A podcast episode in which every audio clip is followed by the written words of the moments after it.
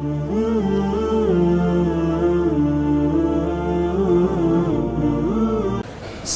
pergi ke salah satu kabupaten.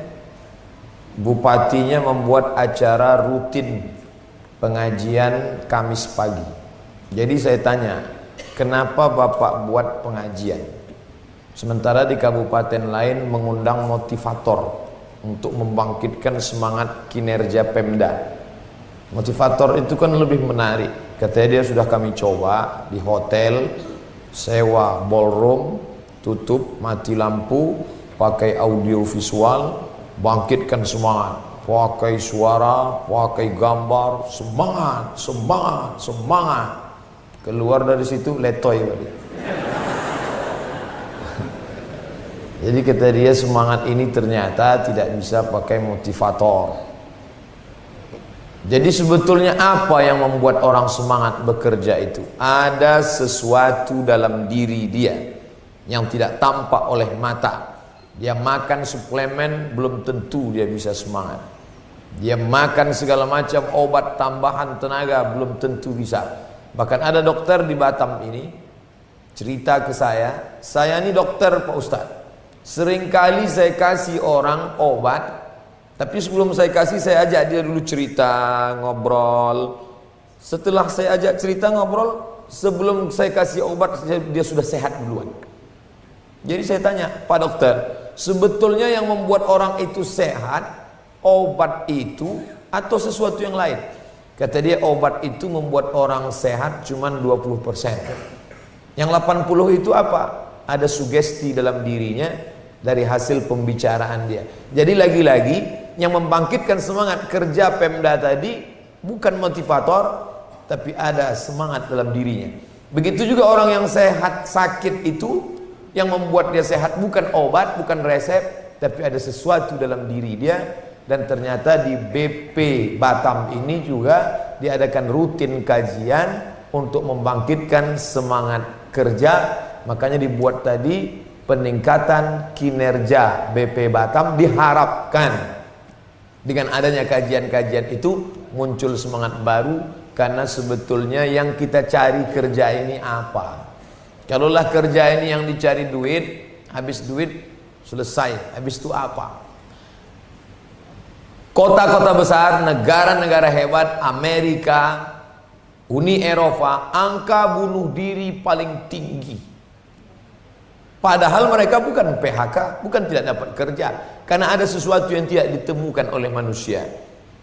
Sekolah, kerja, rumah, mobil, nikah, anak, mapan.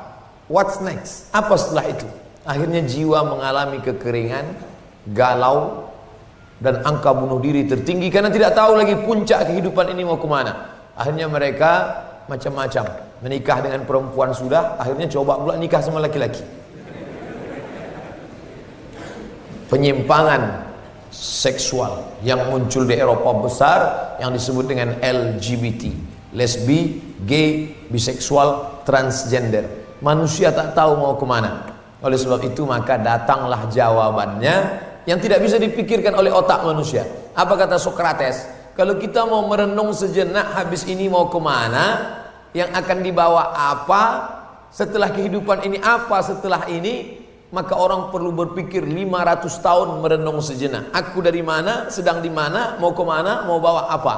Karena manusia lemah tidak bisa berpikir, maka diturunkanlah seorang utusan Allah yang selalu kita sebut namanya asyhadu an la ilaha illallah wa asyhadu anna muhammadan rasulullah Muhammad dipilih oleh Allah Subhanahu wa taala dan kita semua di ruangan ini percaya bahwa dia utusan Allah. Walaupun kita tidak satu suku dengan dia. Di sini ada orang Melayu di sini ada orang Banjar di sini ada orang Bugis di sini ada orang Batak. Tapi kita tidak pernah menuntut dia harus satu suku dengan dia. Ada orang Melayu yang tidak mau menerima dia sebagai nabi. Ada. Itulah yang masih ada di dalam hutan suku Melayu tua, suku Sakai, suku Akit, suku Talang yang tidak mau masuk Islam karena mereka mau Nabi Muhammad itu orang Melayu pakai songket, pakai baju kurung. Dia tidak mau Nabi yang Arab. Ada orang Jawa yang tidak mau menerima Muhammad. Ada. Dia percaya pada Tuhan. Mereka tidak ateis, tapi dia mau Tuhan itu orang Jawa. Itulah dia orang kejawen. Kata dia Nabi Adam itu banyak anaknya. Salah satu anak Nabi Adam itu ada orang Jawa. Itulah Nabi kami. Ustaz ini ngawur nih. Ustaz dapat dari mana? Tak sengaja dapat saya buku di perpustakaan Suman HS ringkasan dari Darmo Gandul Gatoloco. Kata dia anak Nabi Adam itu banyak, salah satunya orang Jawa. Maka dibagi dua, ada Islam abangan kejawen, ada Islam santri yang bersyahadat asyhadu an la ilaha illallah wa asyhadu anna muhammadan rasulullah. Sedangkan yang ini hanya sekedar percaya Tuhan tapi untuk ikut Muhammad tidak mau. Tapi kita di ruangan ini percaya semuanya kepada Muhammad sallallahu alaihi wasallam. Nanti kalau orang Jawa mau nabinya orang Jawa, orang Melayu mau nabinya orang Melayu, orang Batak mau nabinya Bemarga. Dia tak mau Muhammad, dia maunya Muhammad Sregar. Muhammad Nasution. Ini perlu saya jelaskan di awal supaya jelas bahwa segala ucapan, perbuatan, pikiran, tindakan yang diterima oleh Muhammad wasallam harus kita terima secara bulat utuh. Dia seperti puzzle, tidak bisa kita potong-potong. Saya percaya solatnya, tapi masalah takdirnya saya tak percaya. Saya percaya puasanya, tapi masalah keyakinan tentang bekerja tidak bisa. Kita harus terima yang dibawa Muhammad wasallam itu satu paket. Udhulu fisilmi kafah. Bahasa Arabnya kafah bahasa Jawanya kabeh. Utuh all kalau mendownload dia harus sempurna. Jangan potong setengah-setengah. Nah ini harus ditekankan bahwa kita hidup mengikut yang dikatakan oleh Muhammad sallallahu alaihi wasallam. Apa kata dia tentang hidup? Bahwa dari sejak pagi tadi buka mata sampai nanti malam tutup mata dia bernilai ibadah Itulah yang membuat kita menjadi semangat bekerja sehingga peningkatan kinerja pegawai Pemkap, Pemko, Pemprov, BP Batam harus semangat karena semua selama dia di kantor adalah bernilai ibadah. Kita menghadapi orang sekuler. Dia bagi dua. Kalau di masjid ibadah, kalau di kantor tidak ibadah. Makanya waktu di masjid dia khusyuk sekali. Akbar. Sampai HP-nya berbunyi pun dia tak peduli. Saking khusyuknya. Tapi di kantor, karena dia menganggap di masjid aku beribadah, di kantor tidak. Di Masjidil Arab, dia menganggap di Masjidil Arab itu ibadah. Sedangkan di Batam tidak. Makanya waktu di Masjidil Arab dia sangat khusyuk. Tapi padahal kita ini mesti total dari buka mata pagi tadi sampai tutup mata nanti malam bernilai ibadah. Tutup mata Ustadz bilang ibadah ya. Tutup mata itu ibadah. Karena sebelum tutup mata kita sebut nama Allah Bismika Allahumma ahya wa amut. Maka tidurnya itu ibadah. Makanya jangan heran kalau sedang pengajian ada yang tidur. Dikit-dikit Waktu kita bangun kan Kok kenapa tidur? Tidur adalah ibadah. Begitu hebatnya kalau orang sudah ngaji Cuman otaknya agak sungsang sedikit Orang barat paling payah tidur. Kenapa? Karena mereka berpikir tidak ada Tuhan. Maka ketika mereka berhasil sombongnya luar biasa. I am a best, amazing. Aku orang paling the best, paling hebat. Karena dia merasa tidak ada campur tangan Tuhan. Sedangkan ketika dia gagal, dia menganggap akulah puncak segala kegagalan ini. Stres, depresi, stroke, mati sebelah, mati total. Sedangkan Islam diajarkan engkau berusaha naik sepeda motor sampai ke kantor, stangnya dikunci. Ban depan kasih gembok, ban belakang kasih rantai, ikatkan ke pohon yang ada di situ. Bahwa begitu keluar dari kantor tiba-tiba pohon itu digergaji orang, hilang. Engkau tidak mengatakan dirimu salah. Aku sudah berusaha mungkin Allah ingin menggantinya dengan kijang Innova. Berprasangka baik kepada Tuhan. Bukan berarti dengan berislam beragama tidak berusaha. Itu tidak benar. Bukan berarti setelah berislam percaya kepada Allah, percaya kepada Muhammad wasallam, lalu sepeda motor dibiarkan kuncinya di stang, lalu masuk kantor. Lalu ketika hilang ditanya, "Kenapa hilang?" Aku sudah serahkan kepada Allah. Itu bukan berislam, itu bodoh. Goblok, tolol kok dipelihara. Saya mau mengatakan bahwa Islam mengajarkan kita berusaha all out sampai pada puncaknya ternyata keliru, salah. Kita berkata sabar. Kalau dapat nikmat, syukur. Kalau ternyata kalah, salah, bersabar. Dengan dua sayap mendekati Tuhan, sayap syukur dan sayap sabar. Ajaban li amril mu'min, ajaban, ajib. Orang beriman itu luar biasa. In asobat husarra, kalau dia dapat nikmat, dia dapat keberhasilan, sukses, syakar, dia bersyukur. In asobat hudarra, down, sakit, mati, jatuh karirnya, dia bersabar. Dua-duanya dapat pahala. Kalau dia bersyukur, la in syakartum la azidannakum. Kau bersyukur ku tambah. Wala in kafartum. Tapi kalau kau kemudian diuji, maka dia bersabar. Kalau sabar dapat apa? Lebih hebat daripada syukur. Kalau syukur cuma dapat satu balas satu.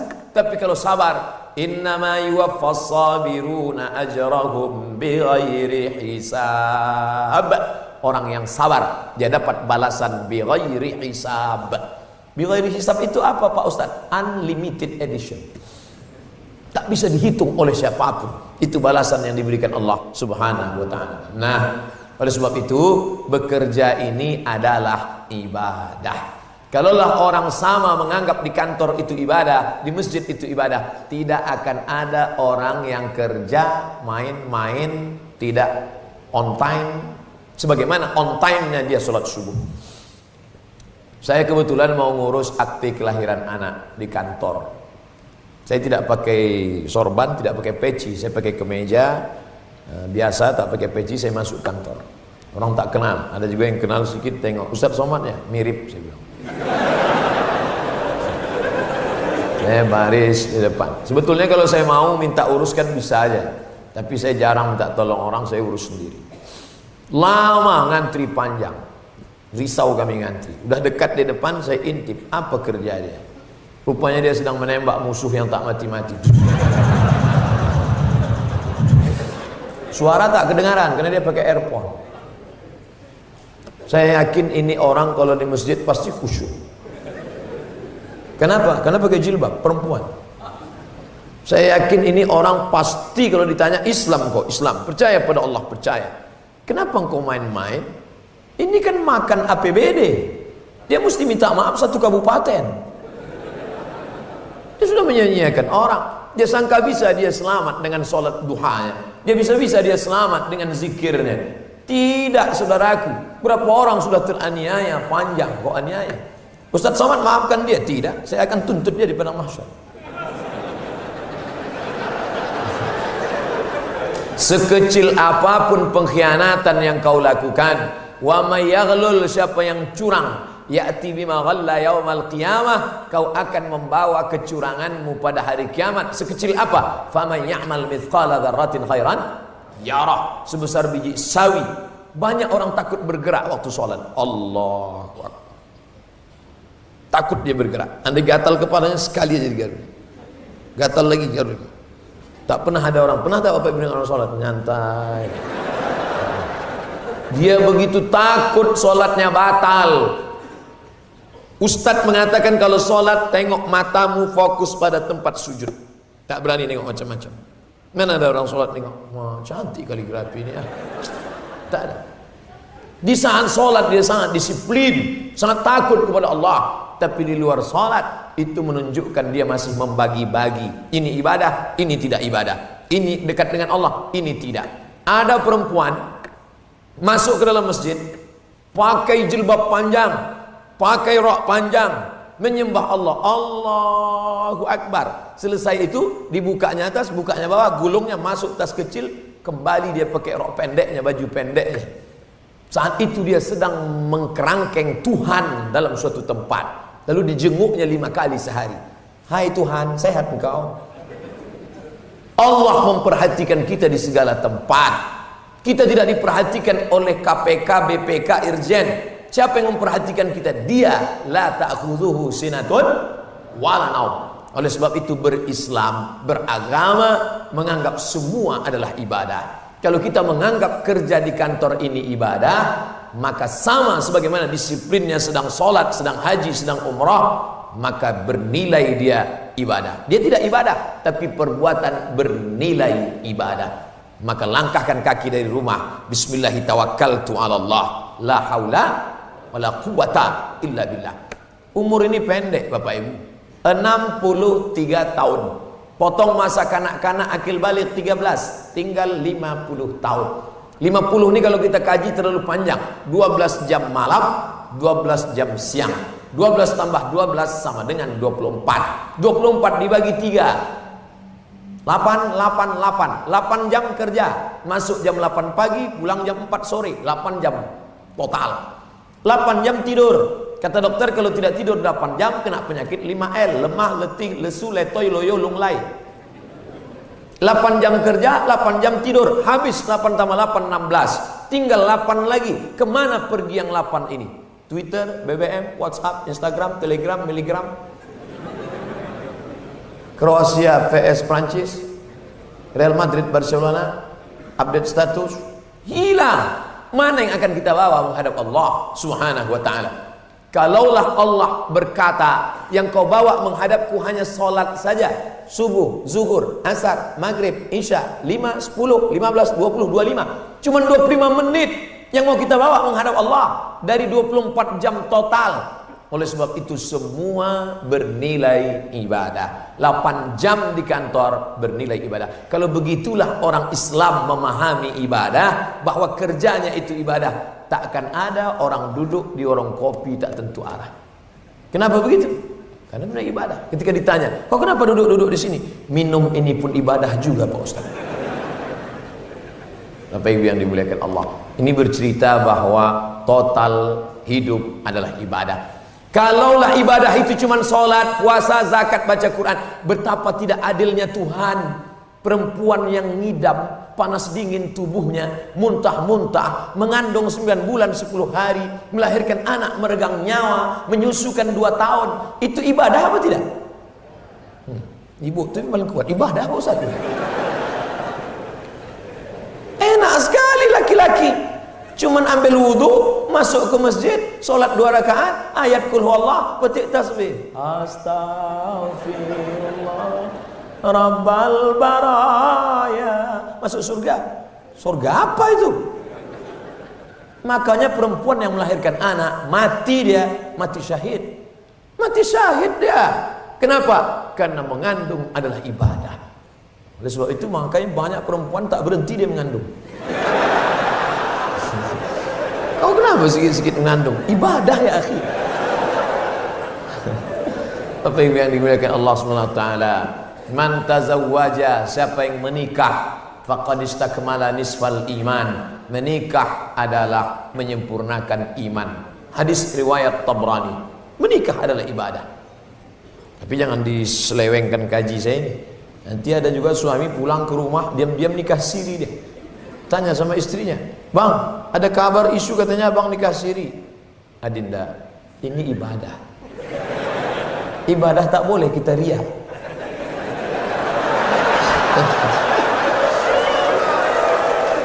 Makanya abang diam-diam aja. Itulah untungnya kalau pengajian laki-laki dicampur dengan pengajian perempuan. Jadi bahan-bahan yang mudah bocor ke sini sampai ke sana. Kejahatan terjadi bukan hanya karena ada niat dari pelakunya, tapi karena ada kesempatan. Waspadalah. Semua ini adalah ibadah. Duduk sejenak bersama Ustaz Somad ini beribadah. Man kharaja fi talabil ilmi siapa yang keluar rumah untuk menuntut ilmu, fa huwa fi sabilillah sama dia macam berjihad fi sabilillah hatta yarji'a sampai dia pulang ke rumah. Ini rutin kajian nih Pak Ketua. Ya Pak Ustaz. Kapan? Setiap hari Kamis. Siapa pengisinya? Ustadz Haruna Hashim. Saya sampai ke Mesir tahun 1998, 20 tahun yang lalu. Ustadz Haruna sudah tingkat 4. Saya masih anak-anak yang baru mau belajar masuk Al-Azhar. Sekarang beliau fokus di sini di Batam. Beliaulah yang membawa saya bersama Pak Ustadz Hendri kemari sejak lima tahun yang lalu. Hari ini dipertemukan Allah di majelis yang baik, majelis ilmu bersama orang-orang baik, orang beriman menuntut ilmu. Yang kita bicarakan yang baik-baik, ayat-ayat hadis Nabi. Mudah-mudahan kita senantiasa diberikan yang baik-baik insyaallah. Alhamdulillah Ustaz Somad, setelah pengajian kemarin meningkat kinerja pegawai kita.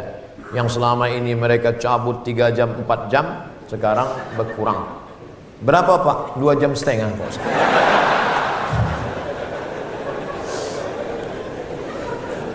Puncak dari pengajian adalah adanya perubahan sikap. Kalau ada orang ngaji, ngaji, ngaji, terus ngaji sana, ngaji sini, sikap tak berubah. Tak ada gunanya. Karena mengaji adalah mindset, mind otak, set setting, men-setting otak. Ini sekarang kita sedang setting ulang otak kita. Yang selama ini kita menganggap bahwa ibadah itu baca Quran, ibadah itu zikir, ibadah itu sholat sunat, ibadah itu di masjid. Sekarang kita setting otak bahwa semua adalah ibadah. Mind otak, set setting, menyeting otak. Karena ada juga mindset ini lain. Mind otak set setan, mindset otak setan.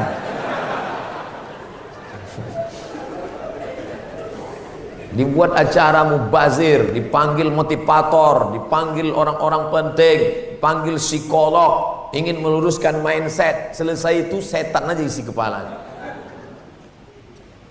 Jadi setan itu ada Pak Ustaz? Ada. Karena ada dialah maka kita minta perlindungan kepada Allah. A'udzubillahi minas syaitan.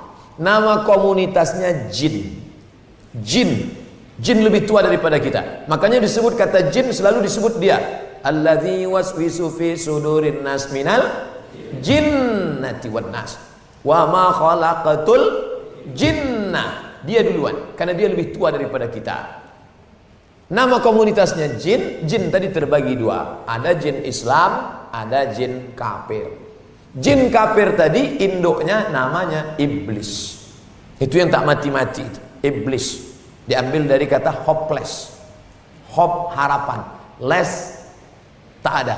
Wireless tak ada wire, tak ada kabel. Hopeless tak ada harapan. Hopeless iblis karena dia sudah putus harapan. Jadi kalau ada di kawan kita, aku sudah putus harapan. Ah iblis gitu. Hopeless. Kita bisa hidup ini karena ada harapan, harapan, harapan harapan akan ada anak, anak-anak akan melanjutkan kehidupan, bahwa kita sakit ada harapan sehat. Engkau bisa hidup tiga bulan kalau tidak ada beras. Andai tak ada beras bisa hidup tiga bulan. Andai tak ada air bisa hidup tiga hari. Tapi kalau tidak ada harapan kita hanya bisa hidup tiga detik. Habis itu pergi ke kamar mandi cari racun tikus. Minum. Mati. Tak ada racun tikus minum mama lemon. Tak mati. Tiga hari buih-buih. Islam memberikan harapan. Makanya banyak yang sudah putus harapan ketika melihat ada kajian semangat. Saya Ustadz Somad sudah putus harapan. Saya ini stres. Gimana ceritanya Bapak rajin pengajian? Jadi saya mau pensiun. Terus saya beli tanah, tanam sawit. Persiapan nanti setelah pensiun supaya enak. Anak-anak mau sekolah ada duit dari sawit. Saya beli tanah, saya tanam sawit, tiga tahun buah pasir panen. Ketika dipanen, datang orang mengatakan, ini tanah saya dan sawit ini punya saya. Ini surat BPN. Gimana Pak? Stres saya Pak Ustaz. Tak bisa tidur malam. Jam 2 malam, berkata-kata dalam kepala, kenapa tanam sawit, kenapa tanam sawit, kenapa tanam sawit. Tak berhenti Pak Ustaz. Akhirnya pergi ke psikiater. Datang psikiater dikasihlah obat. Saya makan obat itu menguap, mengantuk, tertidur. Pas dosisnya habis, bangun, berkata lagi, kenapa tanam sawit? Kenapa tanam sawit? Akhirnya anak saya mengajak, ya ada pengajian di Pekanbaru. Siapa penceramahnya? Ustaz Somad. Saya pun hadir duduk, saya dengarkan. Tiba-tiba hilang dia. Hati saya menjadi tenang. Sejak itulah saya suka pengajian-pengajian. Betul janji Nabi, huwallazi anzala sakinata fi qulubil mu'minin. Dia yang menurunkan ketenangan ke dalam hati orang yang beriman. Krisis kota besar metropolitan adalah ketenangan. Duit ada, mobil ada, rumah ada, istri ada, anak ada, tapi tak tenang. Ke mana mencari ketenangan? Pergi ke karaoke. Lagu pertama lagu pop, tak juga tenang. Masuk lagu dangdut, tak juga tenang. Masuk lagu R&B tak juga tenang. Masuk K-pop tak juga tenang. Lagu metal tak juga tenang. Akhirnya datang kawan menawari. Ini kalau kau makan agak tenang sedikit. Apa ini? Pil anjing gila. Karena kemarin ada anjing rabies yang diikat pakai rantai besi, menggungung tak berhenti, setelah dia makan tenang. Nah, itu yang dimakan orang sekarang. Sabu-sabu yang awalnya disuntikkan untuk orang gila yang tak bisa, yang diikat pakai tangan baju jaket ke belakang, ketika dipakai tenang. Ketenangan palsu. Tidak ada ketenangan kecuali ketenangan yang datang dari Allah. Lewat apa? Pengajian. Lewat apa? Zikir. Percaya Bapak Ibu bahwa pengajian mendatangkan ketenangan, ya? Kalaulah pengajian tak mendatangkan ketenangan, tak mungkin orang mengantuk sedang mengaji. Orang barat susah tidur kena penyakit insomnia, tak bisa tidur. Sampai makan pil, kapsul baru bisa tidur. Orang kita begitu menengok khotib langsung tidur. Jamaah Jumat yang dimuliakan Allah, adapun perolehan infak kita pada hari ini Masjid Al-Ikhlas adalah 320 juta. Sedangkan khatib yang bertindak pada hari ini Al-Mukarram Ustadz Fulan. Nengok Ustadz itu langsung uang.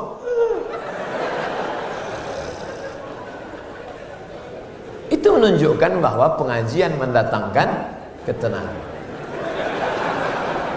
Apa yang dimuliakan Allah SWT. Orang barat naik Mercy Pintu dua, harga mobil 2 miliar. Ternyata mobil ini makin sedikit pintunya makin mahal. Nanti 2020 tak berpintu sama sekali. Melompat aja dari atas. Naik mobil tidak tenang. Risau. Proyek ini belum selesai, ini belum selesai, visi misi belum selesai. Tak bisa tenang. Orang Islam tenang hatinya. Naik metro mini Kalau tak dibangunkan kondektur tak tuan? Pak, pak, pak, udah sampai. Eh, wah sudah lewat saya ini. Marah pula itu. Kenapa saya tidak dibangunkan tadi? Jadi sebetulnya di mana letak ketenangan itu? Orang naik mobil mewah, melewati jalan tol. Di tepi jalan tol ada kebun padi, sawah terhampar di tengah sawah terhampar ada sepasang suami istri dengan anaknya sedang menyendok nasi dengan ikan masin dan sayur kangkung. Apa kata orang yang naik mobil? Mm, indahnya hidup andai aku duduk di dalam tengah sawah bersama anak istri makan tenang. Sementara aku sekarang naik mobil mewah tapi tak bisa berkumpul bersama. Kata dia, dia menyangka yang tenang itu yang di sana. Apa kata mereka yang sedang di pondok sana? pada istrinya, "Mama, andai kita punya mobil, tentu kita tenang seperti mereka Semua merasa kebahagiaan, ketenangan ada pada orang lain. Padahal engkau semuanya adalah bahagia. Yang di mobil ini engkau bahagia dengan pandangan yang berbeda.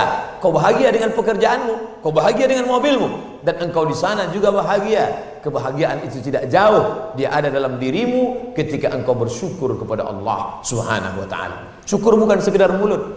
Alhamdulillah wa syukrulillah. Bukan itu. Tapi dengan banyak beribadah kepada Allah Subhanahu wa taala. Yang sudah sholat zuhur alhamdulillah. Yang belum sholat eh, terlambat kan? Ada orang pengajian rajin tapi tak sembahyang. Sholat, sholat, sholat. Saya Ustaz Somad kalau nonton, saya sedang makan di rumah makan, tiba-tiba masuk. Eh, Ustaz Somad ya, iya, alhamdulillah baru subuh tadi nonton. Malam tadi Ustaz saya nonton pengajian Ustaz sampai jam 3 kata dia. Jam 3, berarti habis itu dia tidur. Mana semeng subuh? Ustaz Somad, suami saya itu tak sholat. Terus sejak mendengarkan pengajian Ustaz barulah agak berubah sholat. Jadi udah sholat sekarang. Alhamdulillah Pak Ustaz. Sholat Jumat. tak bisa akhi. As-salatu imaduddin. Sholat adalah tiangnya. Tak satu tak dua. Lama hidup banyak dirasa, jauh berjalan banyak ditengok. Lama jadi ustaz banyak yang curhat. Ustaz Somad, kusangka dulu kalau menikah sama dia aku bahagia. Ganteng, putih, duit banyak, pegawai, karir sukses. Datang dia Minang, kami terima. Setelah menikah rupanya tak bahagia Pak Ustaz. Kenapa? Dia tak sembahyang. Gimana rasanya? Macam tidur sama babi hutan. Itu tak satu dua bercerita. Macam-macam. Ada yang suami mengadu bini tak sembahyang, ada istri mengadu suami tak sembahyang, ada anak mengadu emak ayah tak sembahyang.